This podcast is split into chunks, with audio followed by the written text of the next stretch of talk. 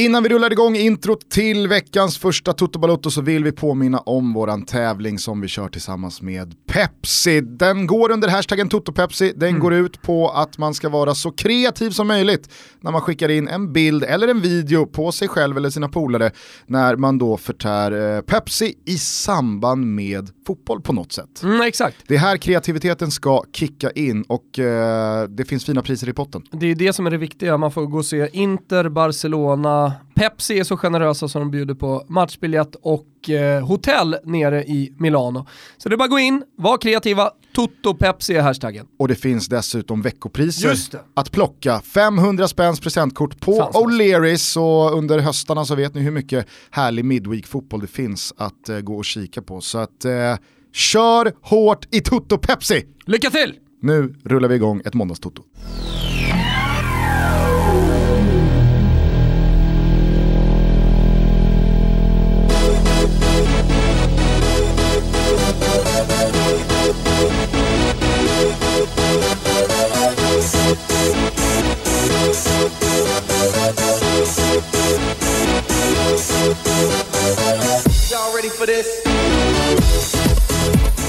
Varmt välkomna ska ni vara till Toto Balotto. Det är måndag den 23 september och återigen Thomas så känns fotbollsvärlden sådär hopplös igen. Alltså, varför då? Nej men när eh, Pauk gör 2-2 i 97 och rånar Aris Thessaloniki på tre derbypinnar. Ja. Så känner man att, ja, jag behövde inte ens se hur målet gick till. Jag behövde inte ens veta om det var motiverat med sju tilläggsminuter man vet att det var uppgjort, man vet att det var köpt, man mm. vet att det var, det var korrumperat hela vägen in i den grekiska ja, men det var puffrer nere på planen. Ja. Märgen. Ja, nej, men, äh, även om det inte var puffrer nere på planen så kan man ändå tänka sig att äh, det var ungefär så det hade gått till. Dani Sunkani hade ångat på längs högerkanten men det var ju givetvis när utrikeskorrespondenten Flash hoppar in, fixar rött kort, löser äh, ledningsmålet, då känner man att det är nu det vänder. Nu ska han få visa hela Grekland att det, det är här det händer, kring honom. Nummer 10. Men eh, nej, det... Jag vet inte, jag, jag, jag, jag hade svårt att sova igår. jag förstår det. Ja, det. Det hade inte jag. Det var lätt. Ja. Enkelt. Kasta av med alla förluster. Torsk i derbyt, inga problem. För man hade varit ute i Täby och piskat på Steffe Pepsis lag. Va? Så det var inga konstigheter. Det var tur det. Surrade ju med honom där på kryssarvallen i Täby, mm. Steffe. Två, tre timmar innan derbyt. Första jag sa till honom var ju det. Du dömer inget derby idag va? det blir inget AIK, du, du, har inte, du har inte sett till så att det blir AIK Bayern för dig? Nej, sa han. Det, det blir inget av med. Ja, det räddade ju upp en uh, misstänker då. Tung helg annars i Casa Wilbacher. Nu satt ju i och för sig Toto-trippen på grund av ja, det, men jo. Fio tappar 2-0 sent till 2-2. Gnaget går på pumpen och checkar ut från guldstriden ja. och så eh, rånade på uppgjort sätt ja. i Thessaloniki. Ja. Men jag ska säga det bara, efter samtalet med, med, med Stefan Johannesson så, ja men, man blir ju klokare efter det beslutet han tar. Så alla måste ju förstå att det är ingen... Pratar alltså om Buya Turais armbåge här på ja. Eh, Liverstam va? Han gick på volley, han gick på känsla. Men det är ju faktiskt så att alla domslut fattas mer eller mindre på känsla. Och eh, jag menar ibland så kan det vara väldigt såklart att... Du, om det, tar du inte i när du säger nästan alla? Ja, jo det kanske jag gör. Alltså, så om, eh, om de Jong hoppar in liksom en, en spark i bröstet på någon, ja men då är det ganska såklart en spark i bröstet. Men i andra lägen när det är rörigt i ett straffområde så måste man gå på rutin och känsla. Och eh, har man då x antal matcher, eh, då kanske man går fram och kollar om det blöder i ansiktet till exempel, man lyssnar av med sina domarkollegor. Eh, så man får i alla fall större förståelse när han själv resonerar och lägger ut texten lite kring det domslutet. Jag säger inte med det sagt att det på något sätt var bra eller korrekt och det säger inte han heller. Men eh, det är i alla fall intressant att lyssna på hur det resonemanget går. Sen måste jag också konstatera att de allsvenska domarna måste fan höja sig. Eh, du kanske ska sparka igång det här avsnittet med ett måndagssvep. Ja. Vad tror du om det? Ja, så gör vi. Vi ska ju snart ladda om batterierna, va? det är midweek i allsvenskan och i ligorna ute i Europa så att, eh, det är bara att spänna fast sig. Jajamensan, vi tar ner den här helgen lite snabbt och vi gör det på det här sättet. Vilken jävla helg! tänkte jag säga, men nu när jag säger det eh, så känner jag lite närmare eftertanke att den kanske bara var 3 plus den här helgen. Med eh, San Siro med eh, AIK och Bayern. Kanske 4 plus, jag vet inte. I så fall svaga i alla fall. Chelsea-Liverpool, svaga 3. City-Watford 8-0 utan Sterling. Lägg ner, pallar inte ens se sådana matcher. Klickade bort vid 1-0. Arsenals vändning, kul, tre getingar. Abonnemanget, tecknat sen gammalt va? Nej, låt oss få lite fart på detta. Newcastle-Brighton 0-0. Känner du Gugge? Börjar du pirra eller? Från den här helgen. Jag försöker leta. Okej okay då, vi tar oss till Leicesters meriterande seger som befäster oraklets tes om topp 5. Sa han inte det? Eh, där har vi fan något. Ruskigt fina Madison. Tecknar eh, banne mig abonnemang även på honom. Jag har en liten mini-crush på Coventry-talangen, 22 bast. Hur fin som helst. Det borde väl ändå pratas mer storklubbar om honom. Ska vi säga 70 miljoner pund till Manchester United i sommar? Kan vara något. Och nu är vi igång! I Italien spelar Jesper Husfeldts favoritderby får man väl ändå gissa. Jag pratar såklart om Il Derby della Madonnina. Och det har väl aldrig varit så klart som då att Milan ligger långt efter sina statskonkurrenter. Okej, inget mosande resultat, men oj så mycket bättre Inter är i år. Och så fick Conte kelgris Lukaku, eller är det Lukaku, göra mål och alla är sådär glada. Man faktiskt ska vara efter fyra matcher full pott och serieledning. Annars fick Juventus oväntat svårt mot Hellas Verona, men bredaxlade som man är löste man till slut segern. Vi noterar att Montella trots tvåmålsledning med 10 minuter kvar inte lyckades vinna i Bergamo att Napoli smyger med i toppen efter vinst på klacken, att Torino har det oväntat svårt i säsongsinledningen och med stor glädje att Cagliari tog andra raka. Med den, håll för öronen nu alla barn, storkukseger mot alldeles för upphåsade Genoa. Till Espanja, i tider då Zidans framtid diskuteras i Kungliga Madrid, daskade man handflatan i plytet på Sevilla. Vem som gjorde matchens enda mål? Karim Benzema. Och ingen som lyssnar på Toto är väl förvånad. Ni ska lyssna på Willy va? Spetsa öronen. Barca med Messi i 45, åkte på däng i Granada och kanske ska det snackas ny mister i Katalonien istället för i Madrid. Och ja, ja, Atletico fick bara 0-0 mot Celta Vigo och allt det där, men den stora grejen är ju Baskens två finest som inlett säsongen så jävla fint. Atletic Club upp i topp, Real Sociedad smyger med. Två baljer av William José först och sen var det Isaks tur att klassmåla, jag säger banne med det, klassmåla från bänken. Fan vad sköna de är sossarna, precis som förutsatt. Lyssna på oss. Tillbaka till vardagen i Deutschland, inga svenskmål. Däremot Leipzig i ligaledning efter att Dortmund bara fick kryss. Det lutar åt en trelagsrace i år Gusten, och det behöver den tyska fotbollen. Mark my words. Sen ska det sägas 1-0 PSG, Neymar i 87. Jävla pannben på den brassen ändå. Och hörni, det har varit tyst ett tag nu, men nu är det äntligen dags. Det har bubblat sen i somras, det har knakat och brakat vid Alpernas fot, det liksom pirrar i en hel stad, det har blivit dags gott folk, avstängningen är avverkad, nu kommer han! Mot EM, mot skytteligatiteln, mot guldskog, guldboll, mot fucking jävla härdsvärre, världsherravälde! Kom så Super Mario Balotelli! Han gör premiär nu för Brescia. Ja, jo, jo, jo, jag är med på det. Det var svårt att, svårt att undgå. ah, men det är så fint. Skam den som ger sig. Du är sist ur den där ringhörnan. Ah, så jävla skönt. Ja, men många har ju frågat vad händer med Balotelli, ska han inte börja och sådär. Det är ju fortfarande folk som frågar efter helgens match, fick jag säkert fyra, fem stycken som undrar vad fan är Mario Balotelli? Han skadad, varför spelar han inte? Han hade ju någon gammal avstängning från senaste tiden han var i, i Serie A som liksom har hängt med hela vägen. Det var inte preskriberat än. Borde ju preskriberas efter typ två, tre år, men, mm. men uh, han fick avverka den i bräschen. Är jag helt jävla uppåt väggarna när jag säger att hade Balotelli inte varit svart så hade den eh, varit upphävd i och med att han lämnar ligan och sen när han kommer tillbaka får han spela igen. Alltså Återigen det, här, rasistiskt haveri ja, i Italien i, i, eh, dagarna. Vad hände? Berätta, vem var det som...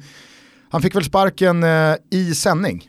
Ja men det, det var ju en, eh, det, var efter, pandit. Eh, det var efter Champions League-matchen va? Ja, pandit, opionista. I, I Sverige säger vi expert, eh, mm. som satt i studion och hyllade Lukakos inledning.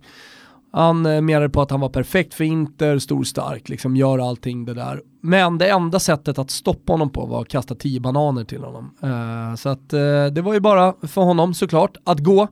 Och uh, så gick tv-chefen ut i livesändning och pudlade, bad om ursäkt, sådär.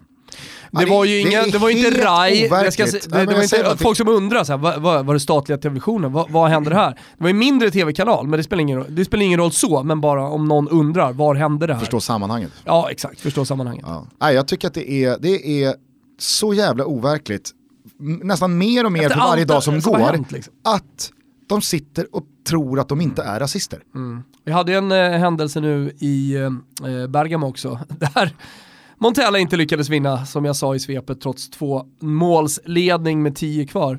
Eh, där Dalbert hörde rasistiska eh, ja, sånger, var det nu var, jag vet inte exakt vad som sades. Så att eh, domaren gick och sa till så att spiken eh, manade då hemmapubliken eh, till att inte, eh, om det nu var apljud eller vad det var, men, men, men, eh, men eh, uttrycka sig rasistiskt på läktarna var eh, på hela Atletico Hatsuri buade då åt eh, spiken. Ja. Eh, och kan man då tycka vad man vill om man tänker så här, allt snack som har varit och man brukar prata om 20-30 idioter som gör till exempel apljud eller som i Cagliari som också, ja du vet, det, det, det, var inte många.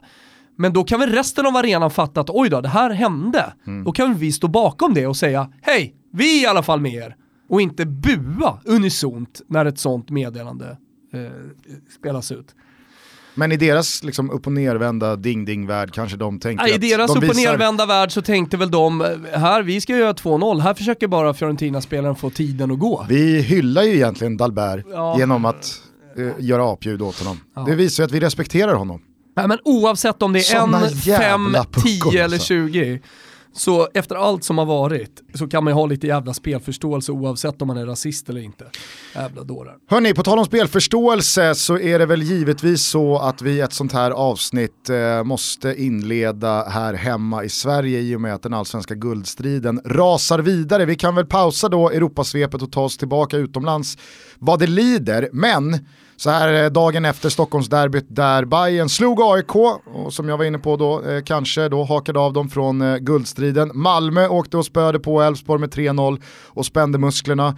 Eh, så studsar man tillbaka efter en tung torsk i Ukraina eh, i Europa League. Och, och Djurgården då som åker till Sundsvall och vinner övertygande utan Buya Turay som var avstängd.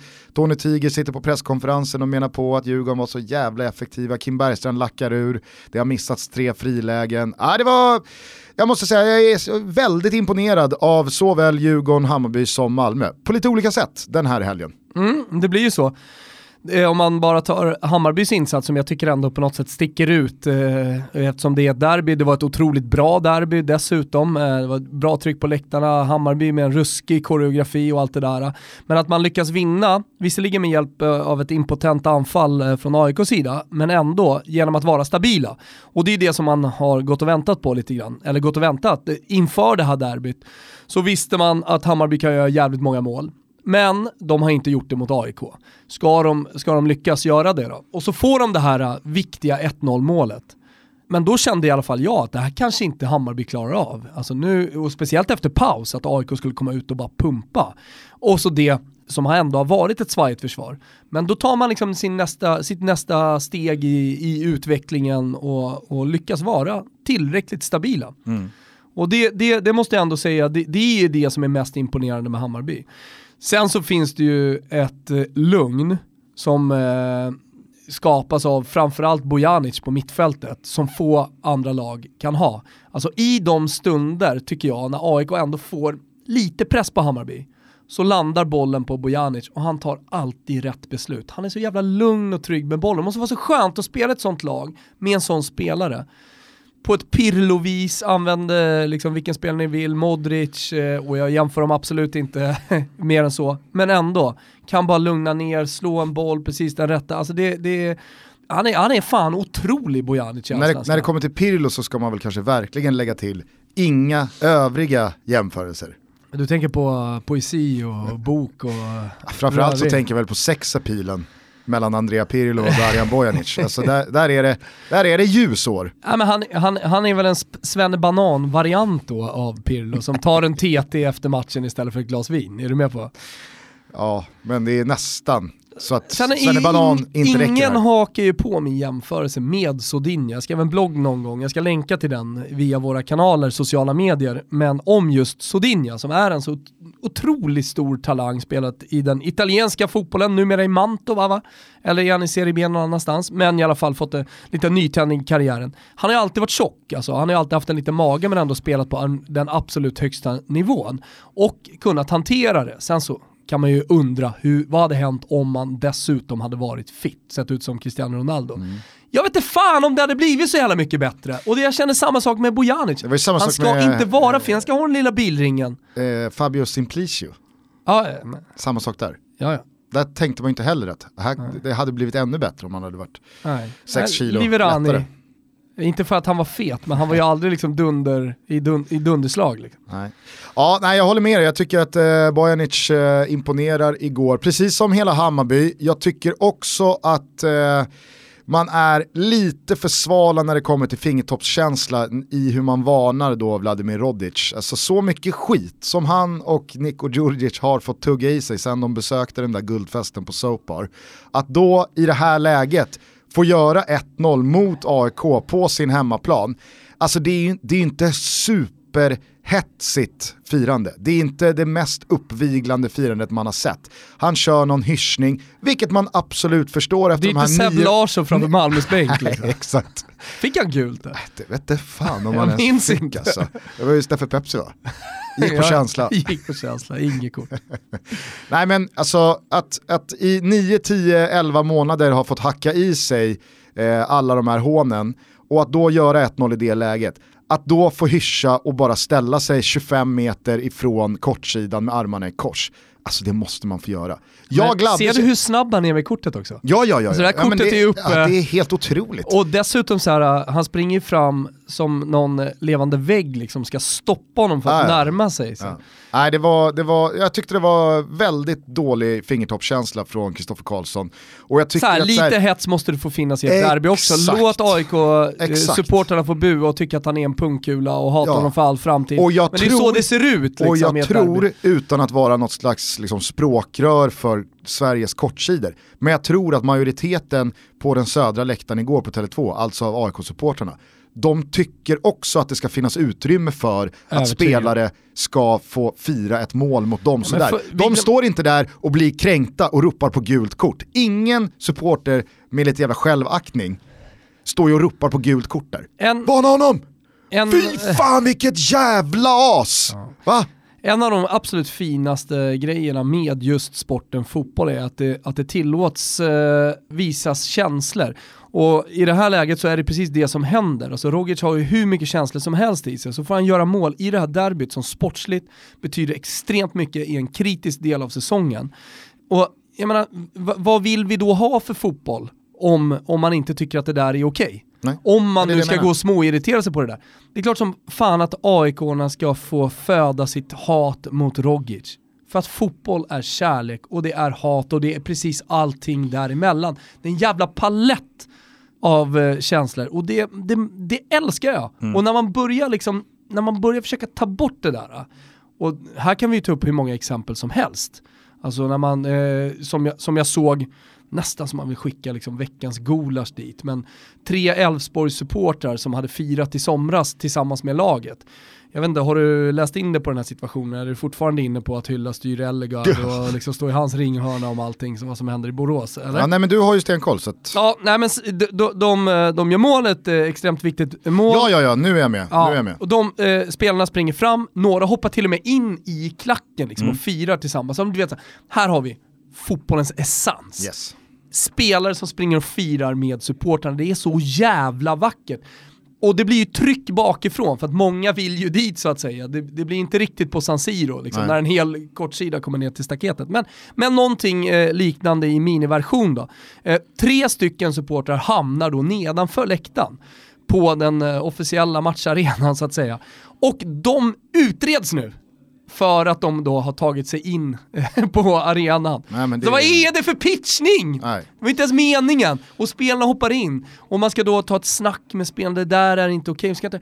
Det är känslor, det är det här som bygger fotbollen, det är det här som gör att jag kan stå efter den här jävla matchen mot Steffe Pepsi och vara nöjd att vi har avslutat Sankta-säsongen så jävla bra och vara lite lack på Täby-tränaren, vara lite extra glad att jag har tryckt dit Steffe Pepsis lag från det, alltså hela den här jävla eh, eh, eh, nyanspaletten liksom med, med känslor, alltihopa, det ska finnas, det extrema hatet, den extrema kärleken, allt. Nej, men jag tycker att liksom, det, det, det har blivit ganska tydligt vid flera tillfällen den senaste tiden på hur ja, men hur många analfabeter som sitter i de instanser och i de institutioner som har någonting att göra med vad allsvenskan och svensk fotboll är för typ av produkt, vad det är för någonting vi håller på med här. Jag fattar inte hur man kan tycka att det där är ett problem. Det är ju inte ett problem, jag fattar inte hur man kan vilja kväva att en spelare som har fått så mycket skit under så lång tid som Rodic, att han ska bara få visa att så här, nu, nu får jag spela ut ett kort här efter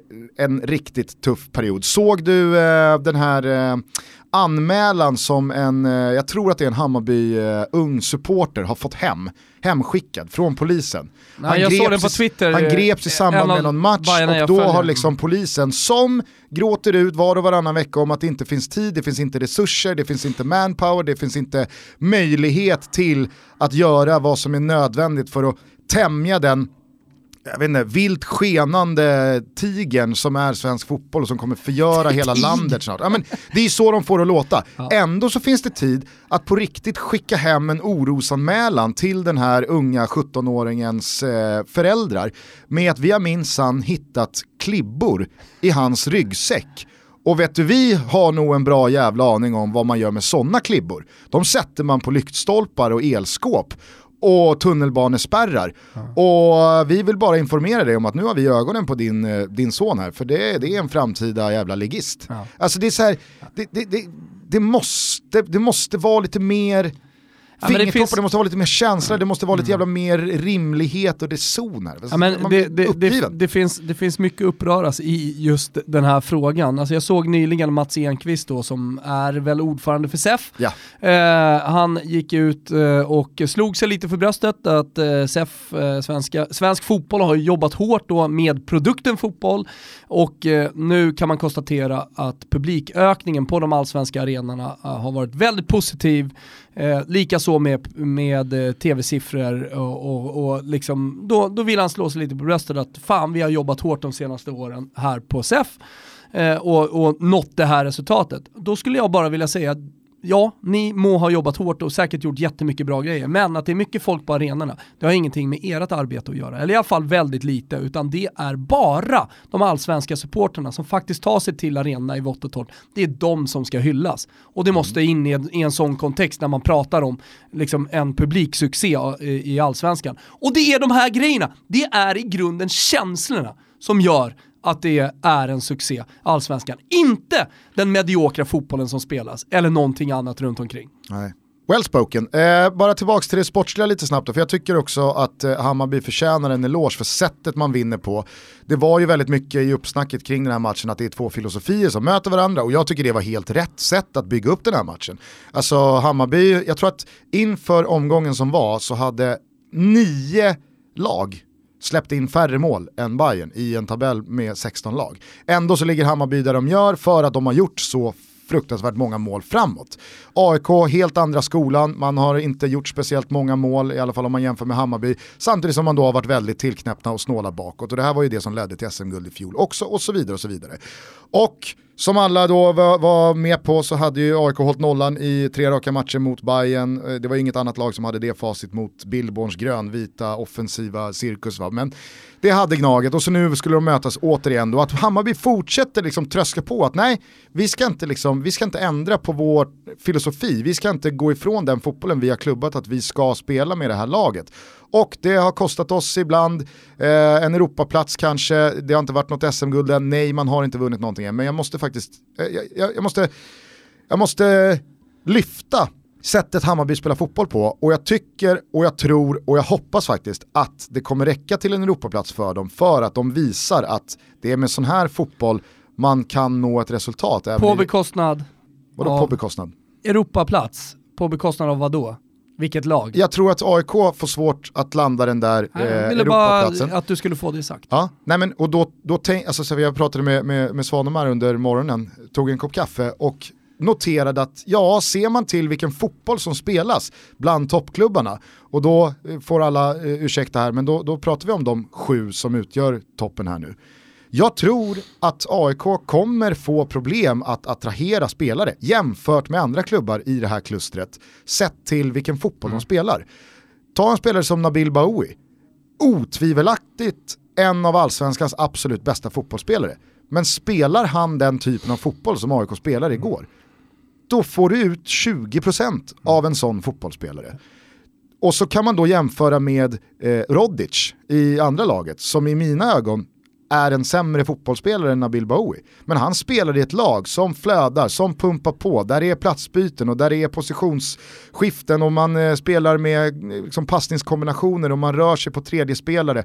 Och det finns ett flyt i laget som gör att han ser bättre ut än vad han egentligen är för att han tillhör ett lag som spelar en fotboll som får ut max av offensiva spelare. Mm. Och jag tror att Alltså Norrköping med Jens Gustafsson och den fotbollen de spelar, det finns spelare som jag tror har valt bort AIK mm. och istället gått till Norrköping. Mm. Så behöver vi inte nämna några namn, men jag tror de finns. Mm. Eh, ser man till eh, Djurgården så har det ju varit ett helt annat liksom, eget spel den här säsongen. Göteborg ska vi inte ens liksom, börja prata om vad Poja och Ferran har lyckats eh, implementera där. Malmö, de har tagit sina segrar och sina titlar och eh, byggt sina framgångar på att kunna spela. Men det är ju de här, jag, eh, jag, jag håller med dig, det enda jag inte håller med om det, det, är att ett lag som spelar en vacker fotboll, en positiv anfallsfotboll på något sätt alltså så här, förtjänar mer att ta en Europaplats. Nej, eller, okay, eller, eller så här, inte förtjänar mer, men eh, jag AIK är tog inte ett högst välförtjänt SM-guld i fjol. Nej, nej, jag menar så här, att jag är, jag sitter inte i din båt att jag hoppas att de lagen tar en Europaplats för att de spelar en, eh, den typen av fotboll och nu kanske det blir lite jäv i och med att jag är AIK, men det är ju också så jävla fint att vi i en allsvenska har många olika skolor. Absolut. Alltså att du har Catenaccio-fotbollen i Solna, samtidigt som du har eh, det svänger om Bayern på Söderstadion. Mm. Alltså, det, eller hur? Tänk om alla skulle liksom bara bomba på. Det hade inte heller varit fint.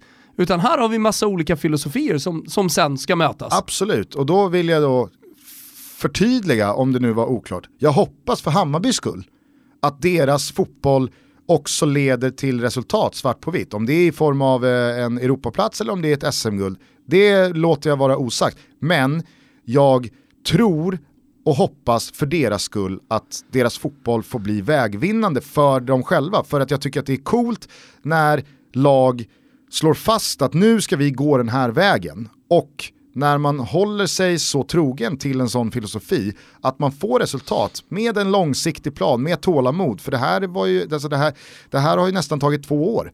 Mm. Men nu är Hammarby, alltså så här, nu, jag, jag, tyckte att det var en ganska symbolisk seger man tog mot AIK igår. För att AIK har, med sitt spelsätt, med en lite mer destruktiv attityd, med ett mer bakåtlutat lag, eh, med en annan grundfilosofi, har ju de knäppt Bayern på näsan de senaste tre derbyna under de här två åren. Därför tycker jag att det var en ganska, ja men, paradigmskiftande seger som Bayern tog igår.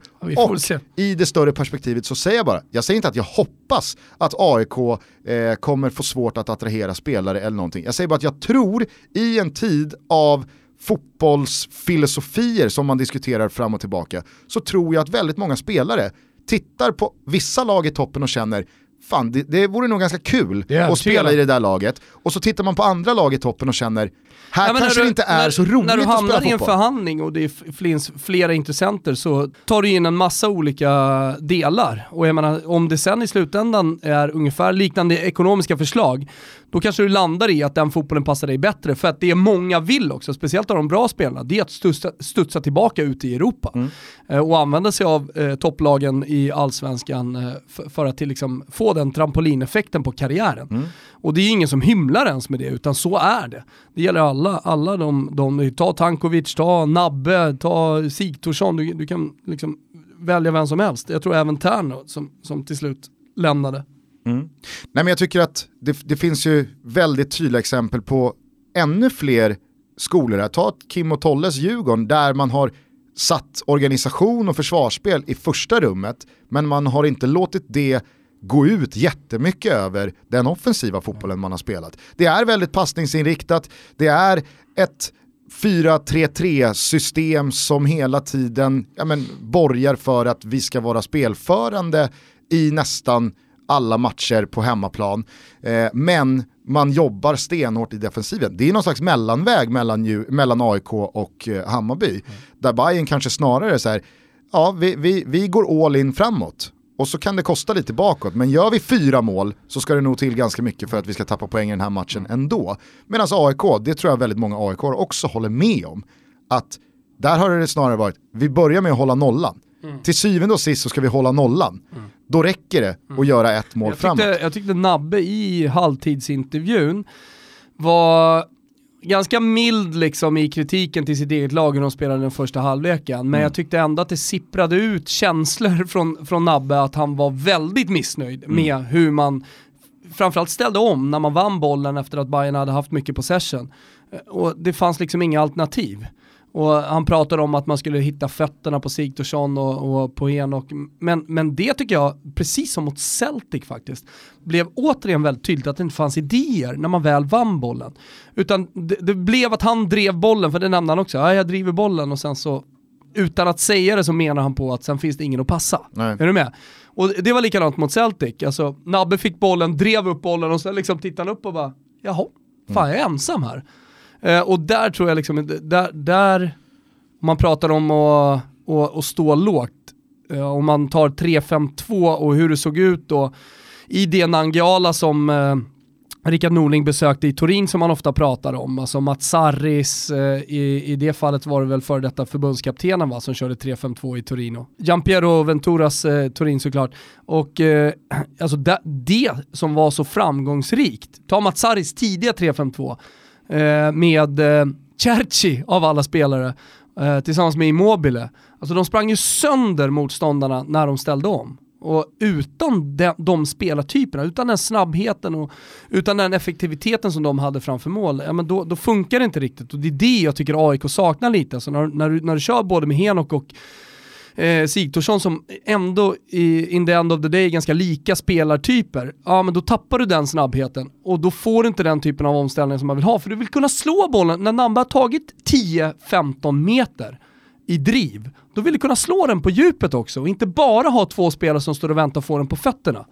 Eh, och ja, ja, då, då, då, kan man ju liksom kanske ja, prata om att det, det, det är felvärvat, att man skulle ha tänkt lite annorlunda. Men, men, men jag ser inte Rickard Norlings 3-5-2 vara så framgångsrik som man vill att det ska vara utan att ha den speeden i omställningen. Ja, nej, men jag tycker att eh, vi ändå borde landa i att eh, vi tar av oss hatten för Bayern en sån här dag. Inte minst för Stefan Billborn. Trägen vinner, han tröskar vidare med sin filosofi och det tycker jag att han förtjänar cred för. Återigen då, väldigt imponerande av Djurgården att åka upp och slå Sundsvall i det här läget. Efter Falkenbergs seger också mot Östersund, nu tror jag tyvärr att det är bye-bye för Giffarna eh, ja, men jag lägger till tyvärr, för jag, jag, jag gillar GIF Sundsvall, jag tycker de hör hemma Känner i... ingenting. Nej, okay. det, är, det, är väl, det är väl rimligt. Det enda jag känner med, vet du vilka det är? Patronerna. Ja. Alltså boysen som är där i vårt och torrt, de känner jag med. Men ja. GIF Sundsvall, ingenting. Eh, hur som helst, jag tycker Varför också... Varför känner du med Sundsvall? Nej, fan... Giffar, är det för att de heter Giffare, klassiskt lag? Giffers. Finns Nej. det hur många som helst att känna med då? Då ska man känna med var och varannat lag i Superettan. Är det för att det är Norrland man kanske känner att Kan vara något sånt ja. faktiskt. Ja men allsvenskan ska ha ett inslag av Norrland. Exakt, allsvenskan ska inte sluta vid Uppsala, Nej. uppåt i landet. Nej. Men det är väl det de gör nu. Ja, om Giffan åker ur och Östersund går Östersund tror jag en mörk framtid. Också. ja, de frågar, är alltså, eller De behöver sätt. inte neddegraderas, Nej. utan de kommer, eller neddegraderingen, då blir det typ division 4 väl, antar jag. Och du vet, eh, du vet hur det går för Gävle va?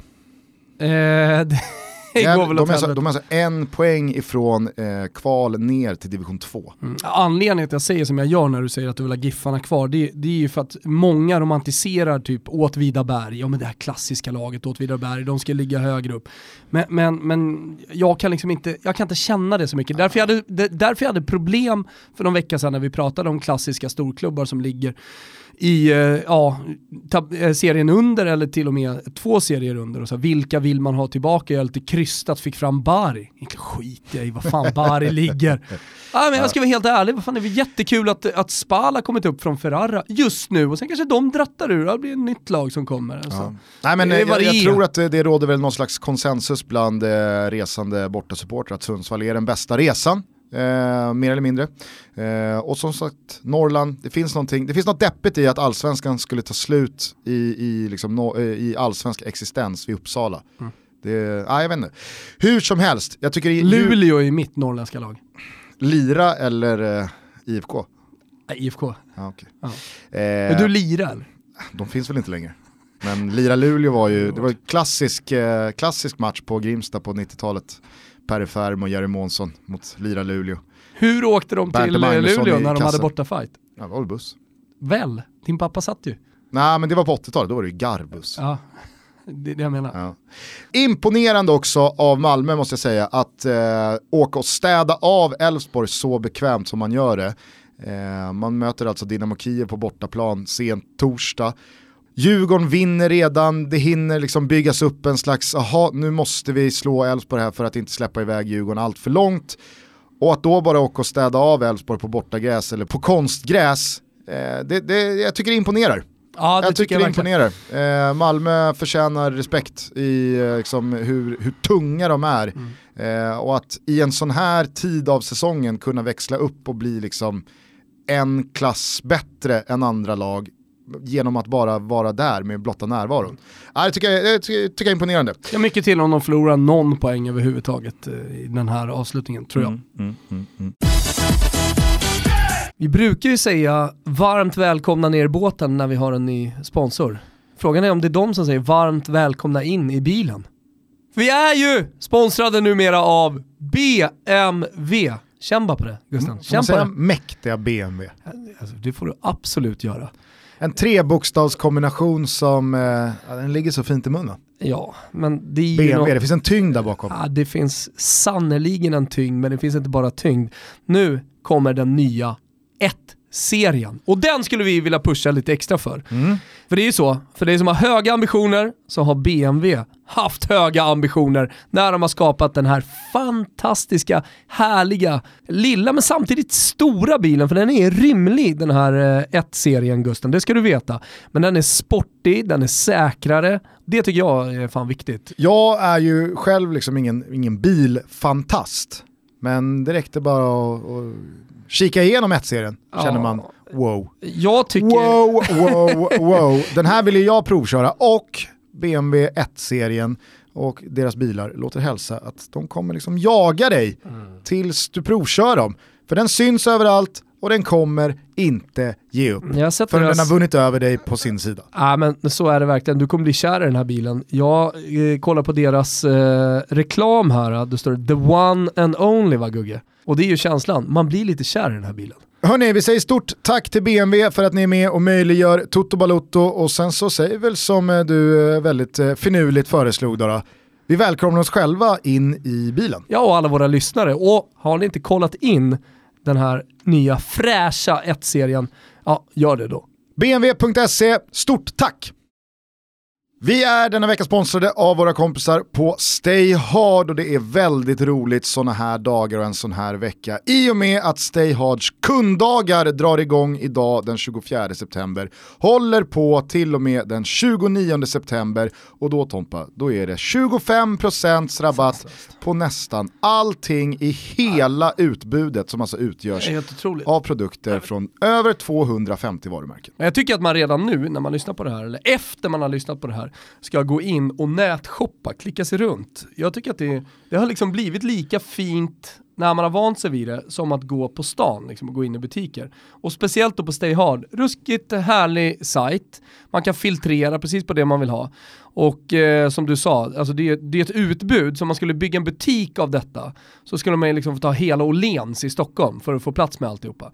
Så att det är mastigt jävla sortiment, men filtrera precis det ni vill ha och, och, och maxa dem med 25%. Och de här dagarna, alltså den här kampanjen går under namnet More You. Mm. Det säger väl sig självt att eh, Stay Hard vill ge tillbaka till alla sina fantastiska kunder. Ja, de är snälla, de är schyssta, de tänker på er kunder. Så är det. Stayhard.se är adressen, 25% rabatt Troligt. på nästan allt Otroligt. i butiken. Dessutom så lottar Stayhard tillsammans eh, med Toto Balutto ut biljetter till EM-kvalmatchen mellan Sverige och Spanien på Friends den 15 oktober. Det är ju också en match man gärna vill se. Så att utöver frikostig rabatt så är det under de här dagarna även fina möjligheter att få gå och se Jannes gäng mot Spanien. Stayhard.se fotboll. Där finns all information eh, kring den här tävlingen. Mycket generöst, tack så mycket till Stayhard säger vi från oss och alla som lyssnar. Stort tack! Eh, ska vi släppa allsvenskan och eh, guldracet eh, med det då och ta oss utomlands igen då, då? Jag orkar verkligen inte eh, prata mer VAR. Men det var ju dråpliga scener i matchen mellan Leicester och eh, Spurs. Jag läste en rolig tweet, någon som skrev Tottenham är det enda laget som kan eh, tappa en 2-0-ledning till förlust 2-1. Ja. Det är bara Spurs som kan lyckas med det. Ja, det är sant. Nej, men och med tanke på det du nämnde i svepet där, att Leicester faktiskt har en eh, realistisk chans att brottas in i topp 6, kanske rent av topp 5. För att helt ärligt så var det ju här ytterligare en helg där Manchester United ja, men fick en att rynka på pannan rejält. Eh, Chelsea med en ny förlust, visst man står upp helt okej okay mot Liverpool men eh, det, det, är ännu, ännu en förlust. Tottenham torskar mot, eh, mot just Leicester och eh, Arsenal får kriga in en vändning till tre poäng hemma mot eh, Aston Villa. Men jag tycker ju att liksom, det är för varje helg som går en säsong som är ganska tydligt att bakom Liverpool och Manchester City så är det verkligen mm. upp till de klubbar som kan och vill. Mm. Inte bara de som vill. Nej, verkligen inte. Och jag tycker att Leicester har fått ihop ett tillräckligt bra lag. Jag hyllade Madison till exempel, alltså det är en spelare som jag skiljer men han är långt ifrån ensam.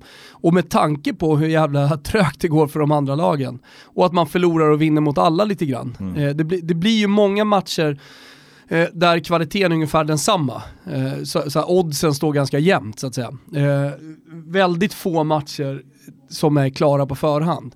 Eh, och, då, och, när man tappar så många poäng, ja men då blir det också jämnt om Europaplatsen och då finns en, en, en stor möjlighet för Leicester att faktiskt ta, ta, ta en, en eh, betydande Europaplats, till och med kanske Champions League om man, om man verkligen får till det. Sticker ut haken här lite och säger att jag tror att eh, Bournemouth kommer vara med och slåss om eh, sjätteplatsen. Okay, ja. Ganska så långt den här ja, men jag, Framförallt så tror jag att det är väldigt många som kommer vara med och slåss om, men, låt säga i alla fall Europaplatserna, alltså Europa League-platserna.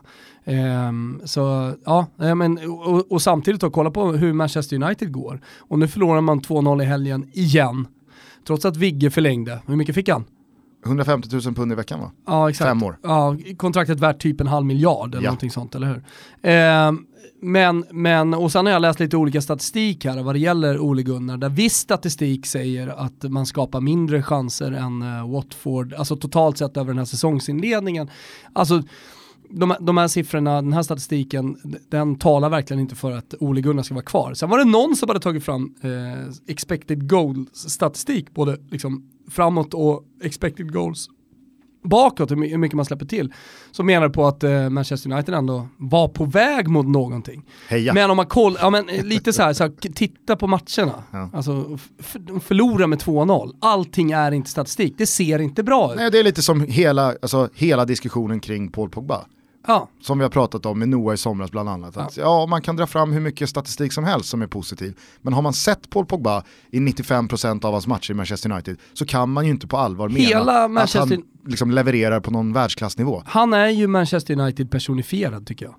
Ja, det vet jag fan om jag håller med om för att jag tycker att Det är att liksom handbromsen i. Jo, men Paul Pogba har ju en högsta nivå. Men det har Manchester United också. Ja, jag skulle nog Klart säga... att de har en högsta nivå som liksom, när det blir bra så, så blir fart och... Ja. Jag skulle snarare säga att om man, om man vill singla ut en spelare som representerar Manchester United så, kan man, så skulle jag inte ta fram en spelare lik Paul Pogba som ändå besitter världsklass i sig själv.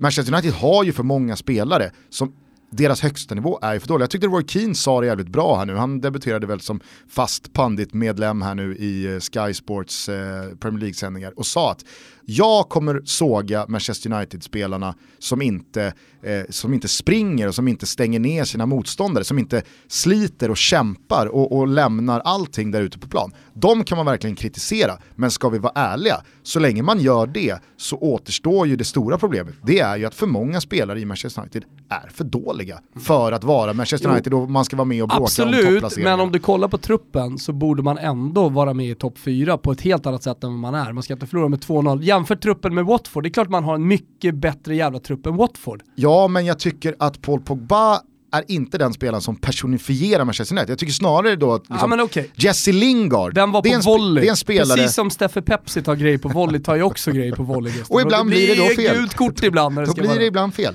Nej, men jag tycker Jesse Lingard personifierar Manchester United. Kanske. Uppsnackad, upphåsad, men ska vi vara ärliga, vad är det egentligen för högsta nivå? Det är ju en spelare som ska spela i ett lag som kommer 6, 7, 8. Det är inte en spelare som kommer vara med och ta tillbaka Manchester mycket, United till toppen. Hur mycket pengar var det som behövdes för att få ordning på det här Manchester United? En miljard pund. Ja. Slog en annan eh, pandit fast, om det var eh, Carragher eller om det var eh, Jamie Redknapp. Ja. Eller, ja. En miljard pund, det kommer han bli på. Ja, nej men du förstår, alltså så här, det, det, jag tycker att Roy Keane slår huvudet på spiken där. I grund och botten är ju Manchester United, det, det är för dåliga fotbollsspelare. Mm.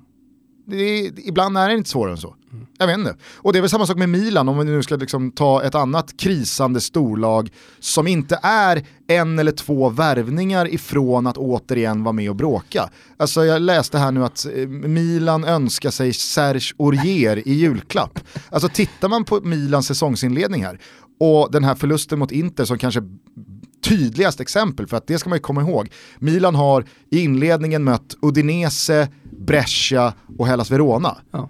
Alltså det är kanske inte eh, tre motståndare som speglar vart Milan är. Nej. Inter är en motståndare sen, men... som verkligen kunde understryka exakt hur jävla långt kvar Milan har till att ens nämnas som en rimlig Bort, topp 4-kandidat. Bortom de usla resultaten, ta Udinese till exempel, så har man ju spelat en extremt krystad fotboll där Gianpaolo, som har hyllats under sommaren, inte alls har lyckats få ut maximalt av det liksom, han tror på, hans fotbollsfilosofi. Och det är det som oroar.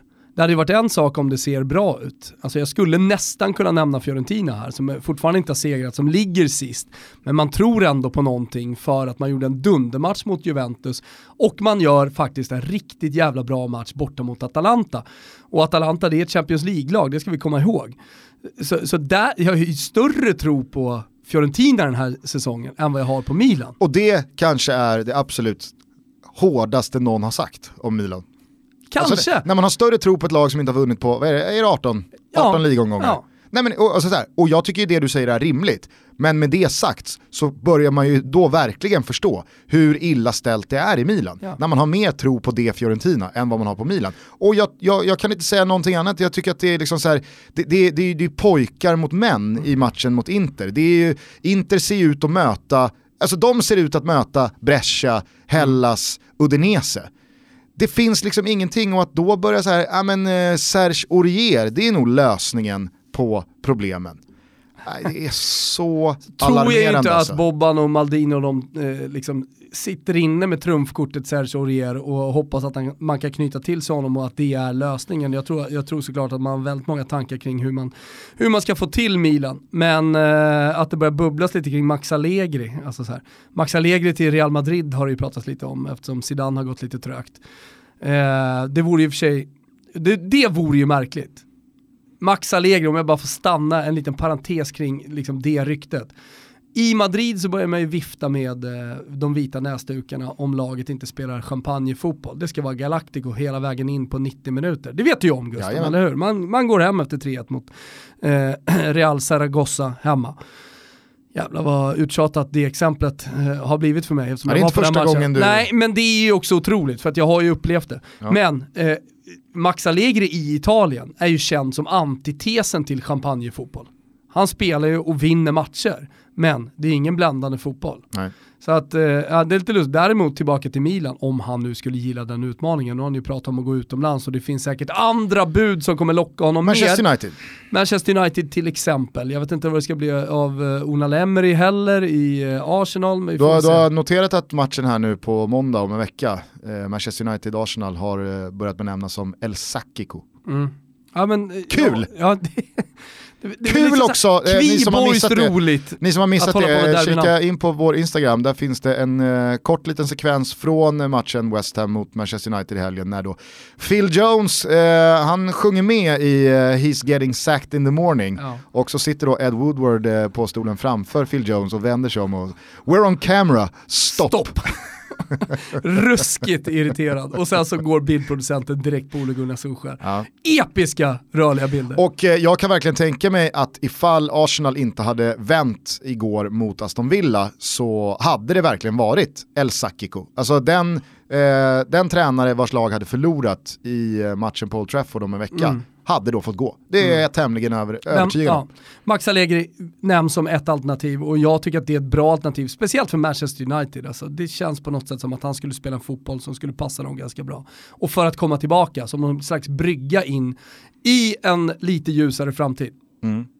Fan, nu när jag tänker på det eh, så, så kanske till och med Ashley Young är en bättre spelare som personifierar Manchester United än Jesse Lingard. Ja, Jag vet inte. Ja, kanske. Det slog du mig bara nu. Där. Du har något där. Eh, nej, men jag, jag, eh, jag, jag tycker verkligen att eh, Manchester United och Milans säsongsinledningar, det, det, det, det måste vara slut på tron om att det finns någon quick fix. Alltså i bara ett tränarbyte till eller bara man får in den här spelaren. Ja, om United nu menar allvar med att plocka in Zlatan som efter eh, MLS-säsongen kommer in, och han kan såklart göra skillnad, han kan nog göra en 10, 12, 15 mål under en vårsäsong och han kan stå för en helt annan attityd och karaktär. Men han kommer ju inte få Fred och eh, Ashley Young Fjärs. och, eh, och Jesse Lingard och ja, men, liksom en, en del andra spelare, Nemanja Matic eller Mata, att helt plötsligt bli bättre än vad de är. Så är det ju bara. Om är bara Sverige går till EM, Zlatan går till Manchester United, sparkar vi igång diskussionen Zlatan till landslaget, en comeback eh, till EM då? Ja, det får man ju hoppas. Ja men så här, med tanke på de vi har, alltså Mm. vem tar du? Gudetti eller Zlatan? Mackanberg är igång nu. Mackanberg är igång nu. Ja, Mackanberg är igång, två mål i helgen, fick inte plats i svepet tyvärr, men nu har vi ju sagt det. Men hypotetiskt då, 12 mål med Manchester United Mm. och ett stundande EM. Eh, vet, du, vet du vem som blir offerlammet? Sebbe Andersson. Ja, det är klart att det är Sebbe Andersson. Offerlammet himself. Nej, det han kanske, inte bli han kanske, han Ja. kanske själv ringer Janne. Du, nu när Zlatan... Jag ställer min plats till förfogande, men JG gör det ju inte liksom. Nej, nej, nej. nej. Aldrig i livet. Men- Han är ju tronarvingen dessutom. Ja, men alltså så här, när, jag, när, Zlatan när Sebastian Andersson ser på displayen att Janne ringer så svarar han med jag vet vad det gäller och det är okej. Ja. Jag fattar. Det ska bli kul att följa via Janne, du behöver inte säga någonting. Jag vet vad det här handlar om. In med Ibra bara. Jag tar soffplatsen. Men om du kan lösa plåtar till premiären så fan, det hade varit schysst. Verkligen. Eh, nej, eh, jag, jag, jag tror att eh, man, man, måste, man måste inse att det här är liksom... Det här är, Hade, hade jag satt första miljard touchen efter att jag hade gjort sombreron på norrbaggen, ja, då, då hade jag ändå trott på mig själv. Men den var, den var för svag. ja. Nej, men eh, alltså en miljard pund för att fixa Manchester United, det är ingen överdrift.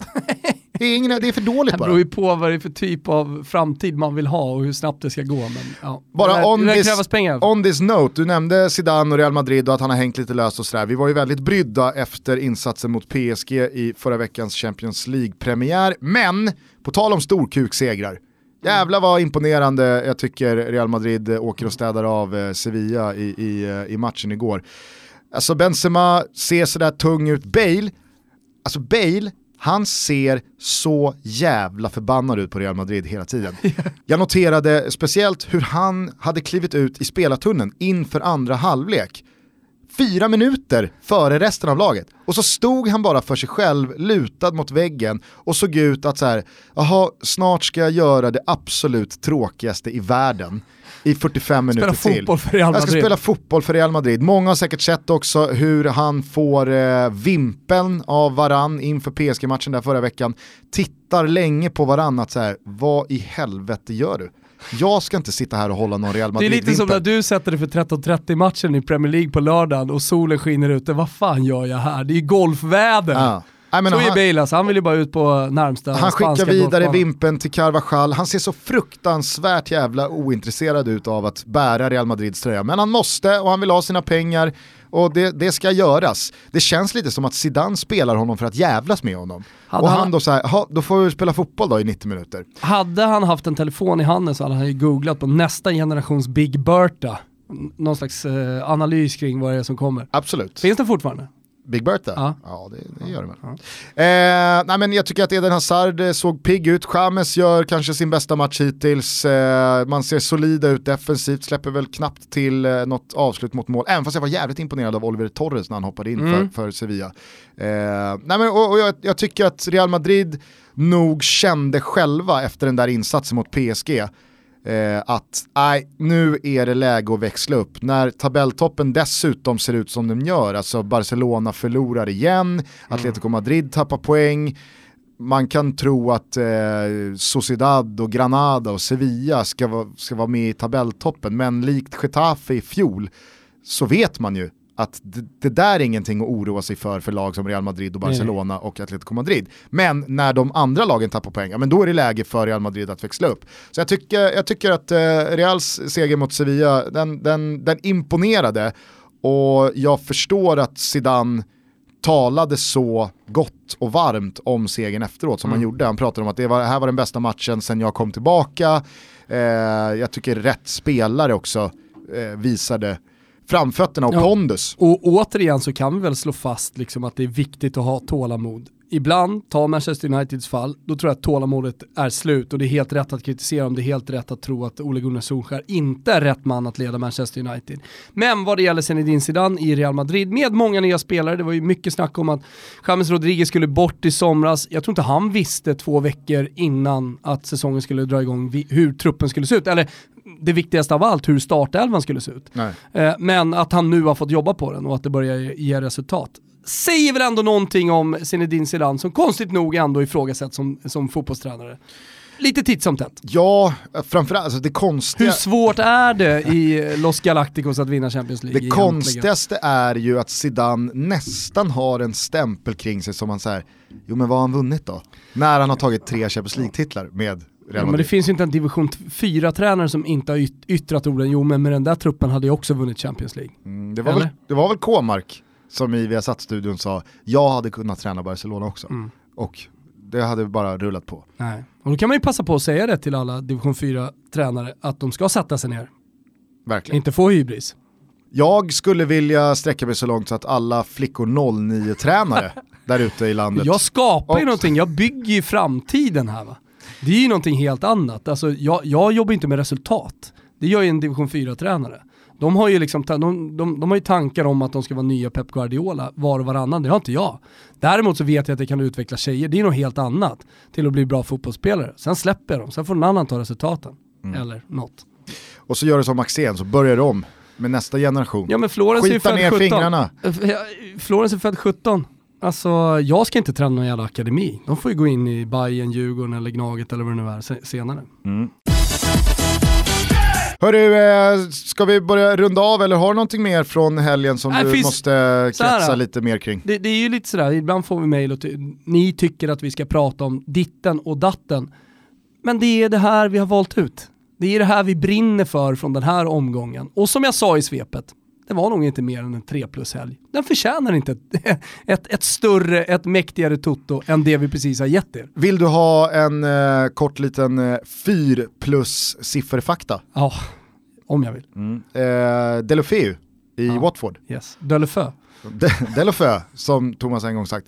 Eh, han hade nästintill 100% passningsprocent mot Manchester City. 13 av 14 passningar gick till rätt adress. att inte 14 gick till rätt adress, för mm. nu är det ju inte bra statistik. Ja men det är nu 4 plus okay. liksom, sifferfaktan kommer. 8 av de 14 passningarna var en avspark. Okej. Okay. Ja. Och så kollar man på passningsprocenten. Börjar man, tänka att, ja. eh, oh, okej, okay nästan 100% i passningsprocent av Delofeu. Det är bra, han är en offensiv ja. spelare, han måste slå många svåra passningar i välbefolkade ytor och så, så vidare. Så ta bort dem då, så, så har han sex passningar varav fem sitter. ja. ja, och det är ju extremt få passningar för att vara en match. Jag tyckte det bara var roligt att 14 passningar på en hel match, 8 av dem är avsparkar. Mm. Säger en del om slakten på Etihad. Mm. Jag eh, förväntade mig ett sånt jävla faktiskt shit rött i ett sånt liksom så här, faktiskt shit lag som Watford. Ja. Men eh, Kiki Sanchez Flores har väl, eh, han har väl lite för eh, tung hårtork mm. i sig för att man ska våga ta det i ställning 5-0 efter 18 minuter. Ja, men jättetråkigt 8-0, sån där fotboll vill man liksom inte se. Men vet du vad som är kul Gusten? Det är att säsongen liksom dånar på här nu och vi har Midweek. Mm, Fan vad man har saknat Midweek. Eller hur? Ja, alltså Champions League-kvällarna är i all ära, men midweeken har någonting speciellt. Och då kommer vi på Betsson att knåpa ihop en liten midweek-trippel. Vi satte ju som ni vet Toto-trippen till nio gånger pengarna i helgen. Jajamän, efter lite stolpe ut var det äntligen lite stolpe in. Atalanta gör ju 2-2 i ja, 91, bortvarat. Ha... Ja. Och sen så kommer ändå 2-2 i 95. Ja, så är det. Eh, men som sagt, det, det, sånt där, tur förtjänar man och allting det där. Nu eh, är vi lite heta så att vi skapar en Toto-trippel även i veckan. Vi slänger in Nakata-tröja i potten. Hashtag Toto-trippen, 148 spänn är det som gäller. Ni hittar den på godbitar. Boostade odds på Betsson i appen eller Betsson.se. Skapa och... konto ni som inte har. Man kommer ju kunna följa många av matcherna som spelas i veckan via Simors kanaler, kommenterade av eh, Svanemar, Pinitoro, Husfeldt och Kviborgo. Vi har då till Får jag säga exempel... en sak där bara kort innan du säger exemplet Gusten? Jag tycker att Vicky verkligen börjar växa in i kostymerna. Bättre ja, och bättre absolut. och härlig kemi med Svanemar. Absolut. Eh, vad finns det för fotboll att konsumera då via Simons kanaler i veckan? Jo, bland annat då, då Barcelona mot Villarreal. Nu är det väl ändå dags för Lionel Messi att ställa sig eh, på den där planen redan från start, eller vad säger du? Mm. Dessutom så jagar Alexander Isak nya mål hemma mot Alaves och i Italien så ska ju Roma, det mäktiga, obesegrade, eviga Roma, smälla dit Atalanta. Edin Dzeko, är det världens bästa anfallare? Jag tror nog banne mig det. Äh, men ni hör ju själva vilken fotboll det finns att följa. In och teckna ett abonnemang på Simor. Slå på några extra kronor så får ni dessutom den allsvenska guldstriden. Och mycket annat. Exakt, man får ju Zlatan i MLS ja. och man får EM-kvalet när det är dags igen här nu om några, om några veckor och så PGA-touren som är igång igen. Mm, Underbart. Eh, vi säger väl så. Det gör vi. En synnerligen rolig vecka att se fram emot Gusten och vi hörs på torsdag igen. Ja! Ciao a tutti. Ciao a tutti.